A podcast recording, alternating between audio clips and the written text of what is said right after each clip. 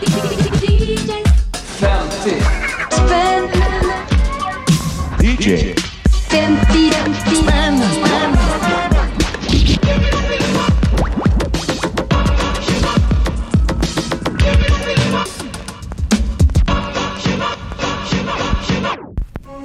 Du lyssnar på DJ 50 spänn. Sveriges dammigaste musikpodcast. I det här programmet bjuder jag varje vecka in en musikälskare som får en 50-lapp av mig. Och med den här 50-lappen så kommer ett uppdrag.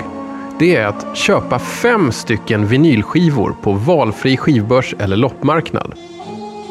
Och sen sätter vi oss ner, vi spelar skivorna och vi pratar om dem. Det här gör vi för att vi älskar svinbillig, knastrig musik i söndertummade omslag. Alltså sådana här skivor som verkligen luktar radonkällare. Jag som sitter här vid resegrammofonen, jag heter Tommy Jönsson. Och dagens gäst, han heter Roger Gunnarsson. Känd från indiescenen, från singelsamlarbloggen Skivtoppen, från eh, Italo-discofanzinet Mondo Italo och eh, massa, massa annat. Välkommen hit! Tack! Eh, för mig är du mest känd som Nixon-Roger. Ja, just det. Eh, och det har ingenting med någon gammal president att göra, eller hur? Nej, inte alls. Det var på den tiden, eh, vid sekelskiftet kan man säga, som eh, man ofta fick ett sånt här epitet när man spelade i ett band eller någonting. Att Och ditt var- band? Mi- Mitt band då, som från början var ett band och sen blev bara jag. Så det var väldigt eh, rimligt epitet. Det kallades Nixon. Mm. Som gjorde en lite svajig indiepop. Sen har du ju också haft en blogg som jag tror är, är liksom lite sovande just nu som heter, eller hette Skivtoppen, eller hur? Vad var det för någonting? Det var lite samma tänk som detta. Jag är ju en fan av just billig musik. Det är väl antagligen där jag, därför jag sitter just här. Och eh, när jag kommer in på skivbörsar så är jag sällan speciellt intresserad av de här Dylan-skivorna i originalpress och sådär. Utan jag brukar ofta ner på golvet och se vad, vad har de nu missat? Och satt fem kronor på fast det är jättebra och sådär. va. Och så, då kan man ju attraheras av eh, skivomslagen eller att det ser lovande ut på andra sätt. Till slut så lär man sig vad producenterna för det här skräpet heter och vilka som går att lita på och så inte då. Och på den bloggen så samlade jag singlar. Som eh, poängen var då att det skulle vara totalt okänt, köpt för femma eller något sånt där och värt att skriva om. Mm, mm. Vil- Vilken var den bästa singeln som du någonsin grävde upp och postade på den här bloggen? Ja, jag gjorde ju några saker som fick lite... Eh, ja, det kanske, kanske stora ord om sig om sin egen blogg. Men det var några saker som liksom fick lite fart. Jag lyfte bland annat upp en singel som, med en svensk tjej som heter Annie Anner. Som eh, gjorde en discosingel för egna pengar när hon var 18 år. Och den eh, var en sån här som jag som vandrade runt i, på, i mp3-form på nätet och blev en sån här raritet då för att det var så många som hade mp3 men ingen hade sett singeln för den fanns i 200 extra. Jag råkade hitta den för en spänn någon gång. Sådär. Det får man ändå säga att det är ett kap. Det får man säga. Och den var ju, alltså när jag köpte den var den ju värd en spänn. Men den blev liksom, den blev en sån här nätvandrare liksom. Som eh, stack iväg i olika bloggar och vidare. Sånt. Jag tror inte den kom bara från mig men den kom lite den vägen i alla fall. Va- Varför gillar du billig musik? Ehm, jag har nog alltid gjort det, tror jag. Ehm, jag gillar annan musik också, men det är någonting visst med... Alltså billig musik, det, det, man gill, jag har nog en kärlek till losers kanske. Eller så här typ eh, sådana som eh, trodde mycket på sin sak och som inte blev någonting. Och i vissa fall är det jättebra. Det är bara som att tillfälligheterna då gjorde att det här bandet fick inte tillräcklig promotion, de var inte tillräckligt snygga, de var inte tillräckligt eh, hippa, de kanske kom lite fel i tiden. Singeln släpptes på sommaren fast den borde kommit på hösten, eller vad som helst. Va? Och det är kul att se de här historievingslagen i det på något vis. här. Och det är det. Sen så, det är inte så ofta hemma jag sitter liksom och lyssnar på ba- inom citationstecken skräp, men det bästa skräpet är ju jättebra. Ja, vi ska köra igång vår parad här med dammiga 10-kronorsvinyler. Men eh, jag har satt upp lite regler för det här så att det inte bara blir liksom 10 jättebra skivor eller 10 stycken jätteunkna skivor så att det blir lite spridning på det. Och det är att eh, de här fem skivorna är liksom i fem olika kategorier. Kategori nummer ett är en så här Random Access Vinyl. Där du har bara fått slumpa fram en skiva, bara blunda och ta en helt enkelt. Ja, det var, det var intressant också att se folks eh, reaktion i skivbutiken när man gjorde denna manöver. Ja. Säg inte vilken det är, men vad var det för reaktioner? Nej, men det var någon som tittade på mig där och undrade... Tänkte nog att det var ett udda sätt att köpa musik. Stod du och höll för Det är ögonen? en slags analog shuffle. Ja, ja. precis. Analog shuffle kan vi kalla Ja. det. Ska jag sätta på den Ja, vi kanske? gör det. Jag satte ner handen i eh, skivbacken och kom hem med detta. Eh, Rolf Björling. At Minneapolis. Heter det inte In Minneapolis? Jo, det tänker, det tänker jag spontant att det gör.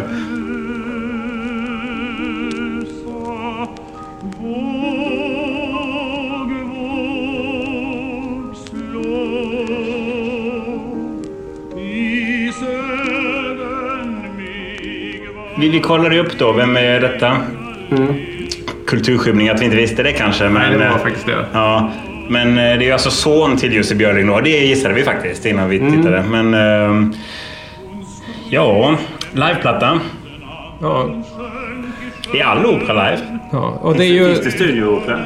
Precis, och det är någon slags uh, opera-indie får man väl säga. Ja, Alltså den är utgiven på någonting som heter Aubergine Records. Aldrig sett den skivetiketten förut och på själva etiketten är det såklart en Aubergine. aubergine. en svart aubergine. Mm. Ald- aldrig hört talas om förut. Nej.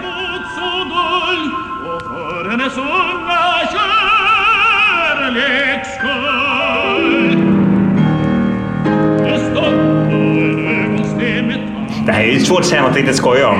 Ja, det är det faktiskt. Vi, vi behöver inte lyssna på hela, men jag bara tänkte att det var ändå intressant att det blev en skiva från en genre som ingen av oss verkar riktigt kunna prata så mycket om. Nej. Opera är, är väldigt, eh, ett väldigt, väldigt vitt fält för mig. Ja, verkligen. Det är som en satellit sådär som är någonstans ute i... Ma- För mig, jag, jag är nog helt och hållet på de tre tenorerna nivå. Det, det är så. Jag känner till att det finns en Jussi Björling som var... TV4-opera så. Mm. Ja, TV4-opera. Precis.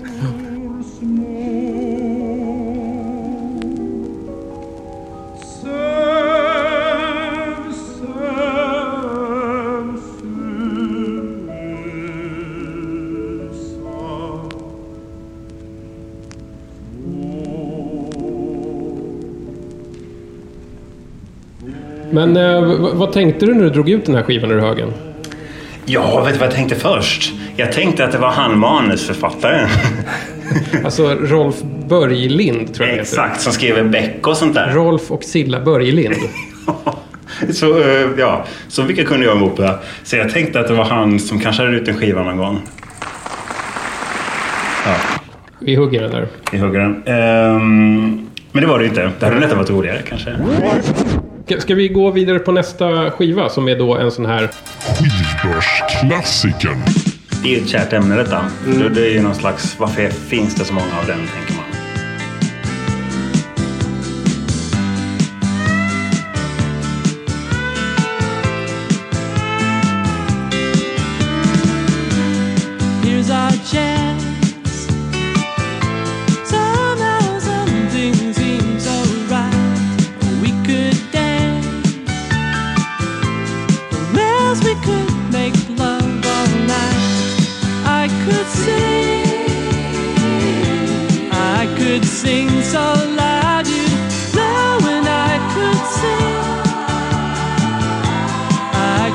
Could sing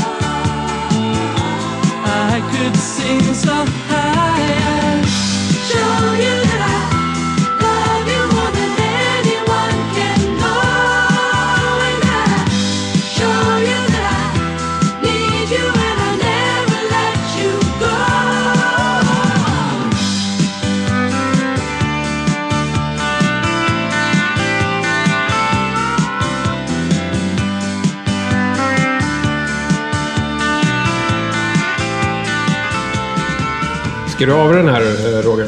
Det var så ehm, eh, Randy Van Warmer här med sin I Could Sing från 1979.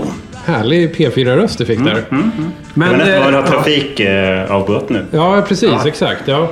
Men alltså det var ju inte helt eh, dåligt måste jag säga. ändå. Alltså jag tycker detta är ganska bra. Det, det har något sån här 70-talsmys, Christopher Cross. Eh, väldigt harmlöst, liksom inget riktigt tryck i det. Det är ganska skönt tycker jag. Ja, jag, jag, jag tänker bara när jag hör det här att vil- vilket år är den här ifrån förresten? 79. Och albumet heter alltså Warmer. Warmer. Musik som är så här balsammjuk. Mm. Det finns inte riktigt längre. Det känns som att den gjordes mest, så här, den gjordes mest och bäst i slutet på 70-talet. Ja, även av artister som har en lång karriär lät ju liksom Cliff Richard och såna här artister. De, han lät ju så på den här tiden. De här We Don't Talk Anymore. Mm. De låtarna. Liksom så här. Det var också det här liksom lite här eh, stumma trummorna och, Mm. och liksom mycket så här stämsång och här saker. Jag tycker det är ja, på gränsen till bra. V- Vem är Randy Van Warmer? Har, har, du, liksom, har du någon aning om det? Nej, inte alltså för han... Han, han, ehm, han var väl någon slags singer-songwriter i den här, eh, som sagt, Christopher Cross, Ian Matthews-fåran. Liksom så. Men mer än så vet jag inte. Har du hittat något? Jag, jag googlade lite och det är då att som du sa då, hans största hit Just When you, I Need You Most. Och den är kanske lite känd sådär via ombud för att den har gjorts covers av, Dolly Parton och Smokey och lite alla andra möjliga andra. Ehm, men jag, jag, jag var tvungen, tvungen såklart att googla Randy Van Warmer och det visade sig då att han, han gick bort eh, 2004 i leukemi. Eh, och han var lite grann av en rymdnörd. Han har gjort en skiva som heter Terraform, eller någonting som är någon slags mer pompös och handlar om rymden eller kolonisering av andra planeter. Jag vet inte, jag har inte hört den. Men eh, hur som helst att hans aska, eller lite grann av hans aska har skjutits upp i omloppsbana av ett företag som heter Celestis. eh, så att det är han och gubben som spelade Scott i Star Trek finns alltså runt, uppe i rymden nu helt enkelt. Bara de två? Eller? Ja, det finns säkert fler också. Ja. Men, men det, det här är i alla fall de två kändisarna som har nappat på det här, vad jag vet. Vad jag kunde hitta nu. Det- Om det är sant. Jag läste det på Wikipedia. Ja, just det. 50-50 då. Ja. Eh, vad heter det? Det är ju exakt den här typen av info man älskar att hitta när man, eh, när man eh, googlar på okända artister. Ja, precis. Och vem hade kunnat ana? Jag hittade en eh, singel för ett tag sedan med en man som heter Kenneth Badger. Som hade ut en singel som balladkille, så lite Billy Joel-kille. Och sen googlade jag honom och han, han hade skrivit Dr. Snuggles-låten. Oj. Det är också sån bara... Älskar när det hänger ihop. Skiva nummer tre. Chansningen. Ska vi bara lyssna och prata om det sen kanske? Ja, vi kan lyssna först.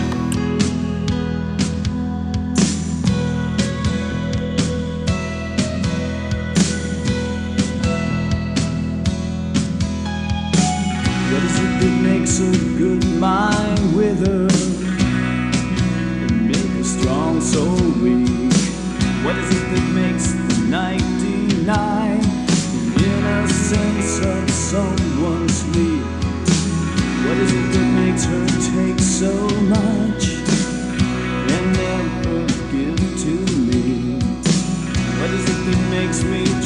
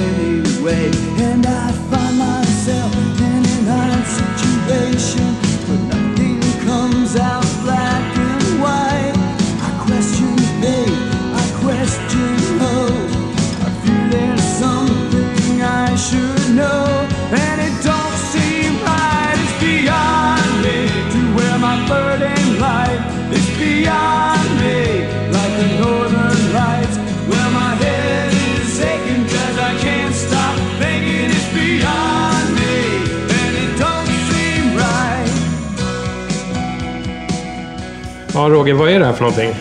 Det är ett band som heter Ten Ten. Eh, engelskt naturligtvis. Ehm, lite lyx... Jag gillar ju sån här engelsk lyxpop. Så här lite, så här lite... Som vad då? Feels like heaven. Alltså China, China Crisis. As- eh, Adventures kanske så här lite sikta högt, lite höga pretensioner, svarta rockar och så. Och den här ser väldigt, mycket, den här ser väldigt lyxig ut. Ja, men precis. Kan du beskriva omslaget? Ja då. Eh, De står... Hela bandet står i... Alla i bandet ser i princip ut som John Taylor i Duran Duran. och Och har långa rockar. har långa rockar och ser lyxiga ut får jag säga. Alltså grejen är att jag är lite överraskad att jag inte har talat om detta innan. För jag, det känns som att jag har hållit på med den här musiken ganska länge alltså, och gillat den. och sådär. Typ. Men det här är lite för sent. Det är lite... I tidiga 80-talet så fanns det mycket musik i den här genren som var lite syntigare. Och den här med syntar hade säkert varit mycket bättre. Nu blev det en sån här tomgångs... Eh, Ja, den har ett väldigt såsig midtempo som är... Och, jag, jag måste bara säga det. Jag, vi har inte pitchat ner någonting. Den går Nej. så här snabbt. Ja, ja, visst. Vi, vi dubbelkollat. Men det hände någonting där. Det, som det här är ju... Det här är ju samma... England har ju en lång, lång, lång tradition av tråkig pop helt enkelt. Eh, Big country, alltså sånt. Ja, liksom så. Mm. Bible och allt vad de hette. Såna här band som har lite samma sak. De var säkert från Skottland eller någonting. Mm. Jag tänkte lite på Simple Minds när jag Ja, hörde Simple det här. Alltså, du vet, ett band Ja. som har liksom kanske lite för stor ljudkostym för sitt eget bästa, eller vad man ska säga. Simple Minds är ett bra exempel, för Simple Minds var ju ganska bra när de var lite syntiga. Mm. Men sen när de kom upp på det här liksom arenan och chaka grejer och sånt, då blev det tråkigt tycker jag i alla fall. Och, och i alla Simple Minds-videos som jag någonsin har sett så har de alltid långa rockar som fladdrar i, i vinden. Sådär. Det är den bästa referensen hittills. Det här är ett Simple Minds-band helt enkelt. Det är producerat av Steven Street. Alltså- Som producerade, om inte Smith så åtminstone Morrissey. Och även senare gjorde massa britpop med Blur och allt Just vad det det. var. Och såna saker. Så han var ju lite creddig. Ja, det, det är ett väldigt bortglömt band. Jag googlade såklart Mm. Ten Ten och det fanns bra många fler länkar till en gammal eh, eh, videospelsdesigner från Japan som har då smeknamnet. Mm. Ja. Än det här bandet. De hade, jag kollade på det Discogs, eh, diskografisidan, och de hade bara den här skivan och, och något försök till singel från den här sidan. Då, så. Men det finns en... Och det är utgivet på Chrysalis då, ett av de stora bolagen på den tiden, som hade... Just 86 hade de extremt mycket hits också, Chrysalis. De hade ju alla de här... Eh, Go West och de hette, de här banden. liksom så här, och 19 på det här första. och Så. så de hade väl lite pengar över, så tänkte de att ja, men ett eh, Simple Minds till kan vi väl ha. Det här var ju en eh, chansning där, där man i princip egentligen väljer utifrån vad man ser att skivomslaget signalerar. Mm. Lät det som du trodde att det skulle låta? Det lät lite tråkigare tror jag. Eh, Det hade ju fått kunna gå lite snabbare, kunnat vara lite syntigare. 80, 86 är ju någon slags gränsår nästan. 88 hade jag inte köpt det tror jag. För då hade, vi varit, då hade det säkert varit massa jäkla säckpipor och skit i det. började, Ja, men det började- hände någonting där med slutet av 80-talet. Att de skulle hålla på med en massa liksom, fioli och lej. Ja, att det blev liksom... Hot House Flowers och sådana band. Ah, liksom. Du vet den ja. här typen Ja, av så här ja. folkiga. Oj, alltså du, du eh, drar upp grejer som ger mig såna här Vietnamfilms-flashbacks nästan när du säger såna här saker. Ja. Herregud. Hot House Flowers. Ja. Men det... eh, Ja, det Men, men stoppa tillbaka det. All right, då har vi kommit till näst sista skivan här. Nostalgiköpet. En skiva som du tidigare har haft eller eh, åtminstone har någon slags relation till. Mm. Ehm, ska vi säga någonting innan vi lyssnar? Ja, jag kan, alltså om- genren. Jag, jag, jag tittar ju på, på skivorna med ögon, med de ögonen. Liksom så, va? Och eh, det är ju ganska mycket sådana skivor man stöter på. Det är ju, varannan skiva är ju Forever Young med Alphaville och, och Dream Into Action med Howard Jones och sådana här som är stark nostalgi för mig. Men de är så väl uppdaterade. Man ser dem så ofta och man hör dem så ofta framförallt. Ja, ja, ja. Och de finns liksom på Spotify och sådär. Så att de liksom ger inte den här nostalgikicken längre.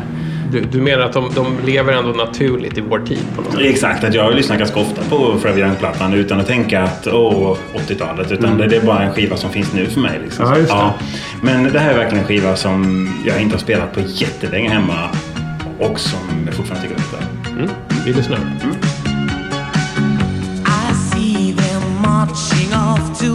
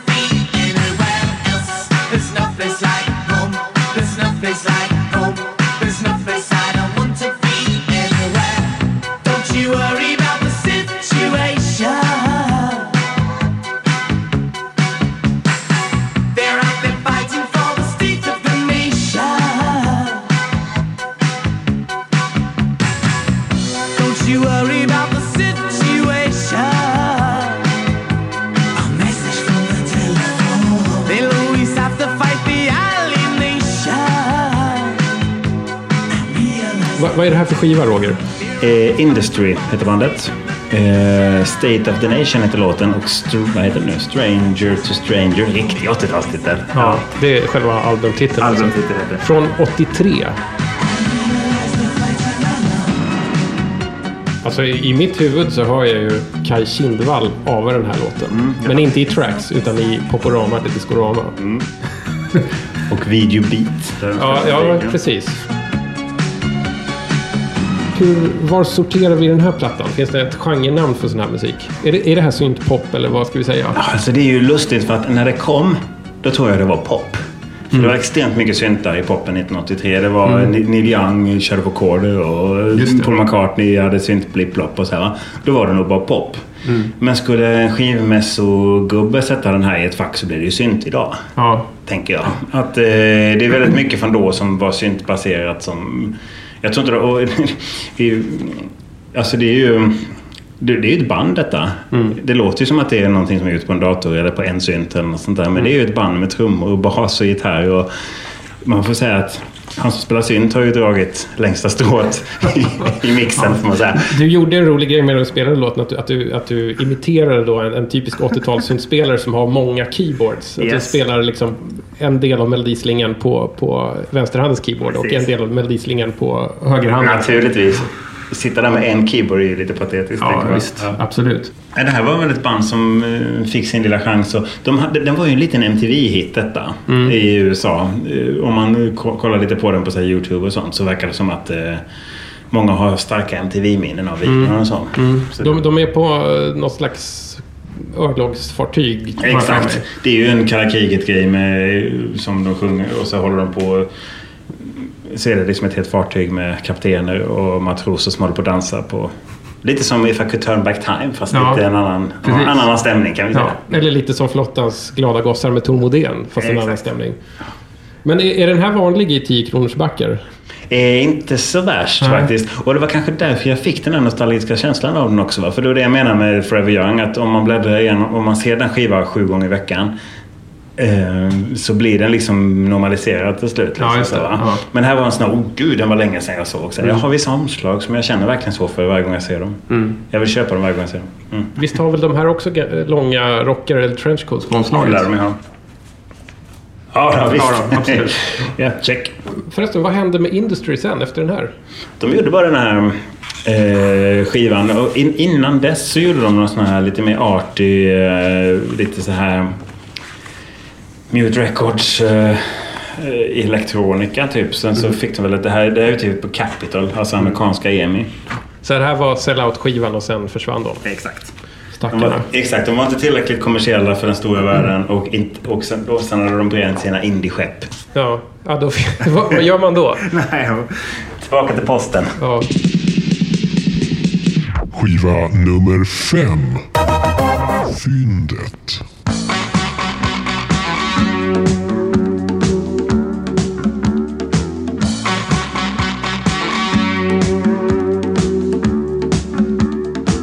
Jag har en tro på liv.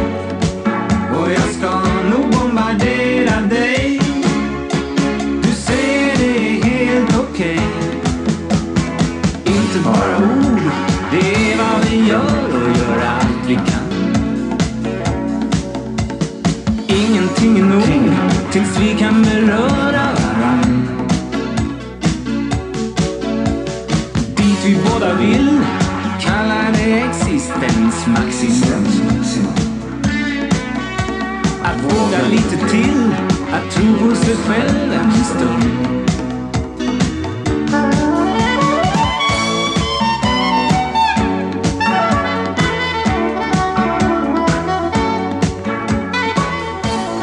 Okej Roger, det här var alltså den bästa 10 kronors skivan i hela skivbörsen som du besökte. Vad var det för något? Hans and the Wolf United. Svensk, eh, ja det hörde vi, eh, pop från 1981. Ja. Och låten hette? Existensmaximum. Från... Eh, Skivan med samma namn. ja, just det. Hela titeln. Ja. Existensmaximum. Extremt dryg. Vad menar de med det? Att man ska leva i... Jag bara hittar på nu, men jag tänker att eh, maximera sin existens. Carpe diem. Carpe diem, ja. Det här var jättepopulärt på 80-talet. Var- var det det? Var det här ett stort ja, band, det alltså? var ett stort band på 80-talet. Eh, Topplistestort i alla fall. Sådär, typ kanske topp 10. Och, Mm, Som hade lite, lite speciell publik. Eh, det var liksom motsatsen till eh, Marianne-maffian med Snowstorm och Freestyle och Mm. vad som nu fanns, Factory. Ja, och samtidigt inte liksom heller Ebba Grön. KFMB-köret heller. Nej, exakt. Utan det här var någon slags liksom, det fina alternativet.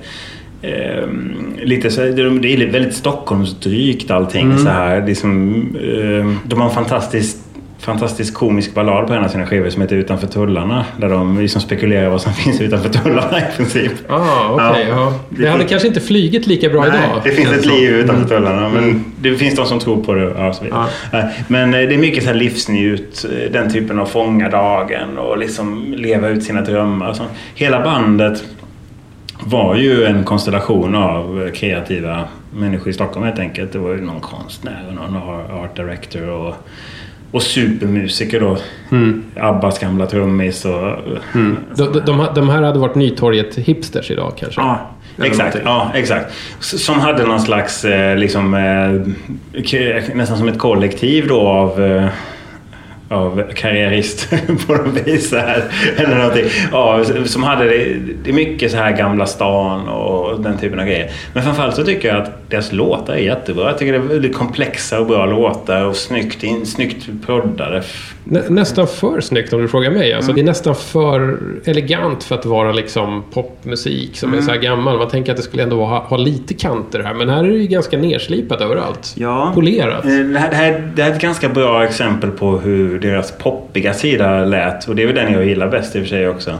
Eh, sen hade de lite, lite såna här otroligt eh, smaklösa flörter med swing och grejer. Och du vet, de skulle liksom hålla... Det är mycket så här... Framförallt är det ganska... Det, låter nästan som att jag dissar det nu men det är, det är väldigt drygt allting som sagt. Fast på ett bra sätt Fast på, fast på ett sätt som man kan liksom le lite åt. Med liksom, det är ju långt i backspegeln detta tänker Mm. jag och det är förlåtet. Så här. Det är lite grann som Prefab Sprout kan jag tänka mig att det är lite grann också. Att Mm. man liksom läser en text av Prefab Sprout och fattar typ var tredje ord. Men ändå så tycker man att det är ganska härligt så att Mm. det är så liksom, man får sitta upp varenda ord. Lite grann samma sak här. Att det är mycket så här rikemans poesi sådär Mm. typ på något vis. Eh, Men eh, framförallt så är det ett loppisfynd för att deras skivor finns ju i sådana otroliga mängder. Och jag tänker mig att de köptes också av människor som kanske, inte, som kanske har skänkt sina skivor idag. Ja, ja, Alltså, det är så- ja, jag förstår. Ja, som kanske inte har någon skivsamling utan det, var, det här var liksom um, hushållsmusik i början av 80-talet. Mm. Som spelades på en Bang Olufsen stereo. Sen när stereon Ja. åkte ut Exakt. så åkte vinylskivorna ut Exakt. också. De, är, de var länge ganska svåra att få tag på på CD. Det enda jag vet om Hans and the Wolf United Mm. är det här. Är att Palme, Olof Palme tyckte Mm. om dem lite grann. Alltså det, jag eh, pratade, jag intervjuade Lonnie Wolf, sångaren då i, i Hans och Wolf United. Just det, det var en, en jättebra intervju i eh, tidningen Ondskan. Ja, hon kan vara det. Som inte stämmer. finns längre tror jag. Som blev novell sen, det Ja, samma, det. samma folk. Mm. Ja. Och det, där sa han att de, jag frågade om de hade någon politisk tillhörighet för de kändes ju, de kallades ju för Palmes pojkar. Mm. För att Palme hade sagt, Palme lyssnade bara på opera och sånt där. Mm. Men hade liksom ett, men gillar du ingen pop då? Hade han fått frågan en gång. Jag gillar de där Hans and the Wolf United, sa han då. Och så blev det att de slussades in som ett band och blev ett sån här ANC. Eh, det är svängen. Ja, ja. Berget till för att flyttas-eran här. Ja. Ja. Och sen så spelar de väl även på hans begravning tror jag. Ja, om om, om inte begravning så åtminstone den här tv-sändningen. Som Mm. Men um, Lone Wolf berättade en så himla rolig, rolig eh, grej för mig, eller bisarr grej i den intervjun där också. Det var att efter Palmemordet så fick Lone Wolf någon sån här vision av att Palmes mördare skulle sitta i publiken när Hansson och Wolf United spelade. Oj. Så han tog alltid kort på publiken. Lite privatspanarbeteende, Ja. måste man ändå säga. Livsnjut med stänk av privatspanare. Intressant. Mm. Men du, va- va- varför gillar du det här så mycket? Eh, det är svårt att välja ut en låt med dem eh, och det är svårt att säga och förklara varför man gillar dem när man hör en låt. Sådär. Men eh, alltså, jag gick liksom skojvägen in och började gilla dem på riktigt. Så kan det bli ganska ofta tycker jag. Min pappa hade ett band med Hans Wolf United i bilen. Som vi brukade lyssna på ibland. Så jag hade liksom den grejen och de var med mig i tv en gång när man var liten. Så bara fick jag ett ryck för kanske tio år sedan. Och bara, jag ska lyssna på dem igen. Så här. Och så plockade jag hem den här skivan. För det här är ju verkligen en sån som skulle kunna varit med i eh, Istället för Randy Van Warmer där. Det, man ser den jätte, jätteofta den här skivan på mm. loppisar. Jag har inte just den där, men jag har köpt andra Hans Ja. the Wolf United för just 10 spänn. Ja. Så att det, de finns där ute liksom. Det, det, de är... Och det är lite lustigt med tanke på att de är... um, De gav ut sin musik själv på ett bolag som heter Bastun. Och han skötte enligt honom då distributionen själv och allting. Och liksom- Väldigt indie. Väldigt indie, ja. Fast mest så här, lite mer så här kreativt indie. Liksom, så här, in, ja. eh, men de ville liksom håll, köra sina egna eh, regler så att säga. Va? Men den anledningen kan också vara att de är lite bortglömda idag. För att om du inte ligger på något stort bolag Så hamnar du inte på Spotify. Exakt, automatiskt. Per automatik Nej. i alla fall, ja. Och du hamnar inte på hits från 80-talets samlingar. Nej, och du hamnar inte på Lugna Favoriters spellistor och sådär. Mm, va? Så att de är ju lite utanför loopen i, i det kommersiella ändå. Ja. Mm. Finns det någon skiva som du drömmer om att hitta för 10 spänn i en skivbörs? Alltså grejen är att jag har en liten lista med saker jag letar efter. Mm. Eh, och relativt ofta, det är mest singlar. Med sådana här udda band som gjorde en singel eh, 87. Så här. Eh, som jag har liksom på MP3 och sånt där. Som jag letar efter singeln. Och minst ett par, tre gånger per år så hittar jag någonting för fem spänn, tio spänn. För att det jag letar efter, de här misslyckade artisterna från EMI i, från 80-talet. Det är ingen skivbörs som lyfter upp det där utan det är bara att gå med skräpet. Så säga. Det är så alltså? Ja. Så då, då har du, du, du kan ändå vara lite ensam i ditt letande då? Ja, det skulle jag säga. Och sen så har jag väl en, är väl lite ensam om orken ibland också kan jag tänka mig. Att ibland så går jag någon sväng på någon loppisrunda med någon och sen så har jag liksom den här orken att gå igenom alla skivbackarna medan kanske kompisen har eh, står och bläddrar i en back och sen tröttnar lite grann. Så va, jag har bra, bra stamina. Ja. ja, men det är ju en uthållighetssport. Så Ja. är det ju. Mm. Stort tack för att du ville vara med och eh, jag kommer avsluta det här med att eh, spela en eh, låt eh, från ett potpurri eh, av 10 kronors vinylkungen James Last eh, när jag vinkar adjö till dig. Det är ingen dyr diskografi.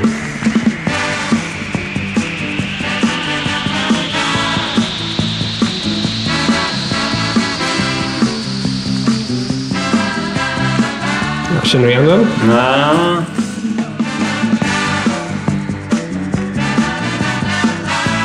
Jo, Back in the USSR. Nej.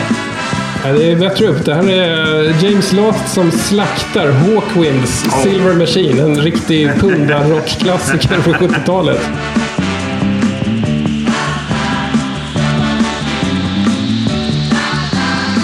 Ja, med det så säger vi hej då för idag. Hej då, tack.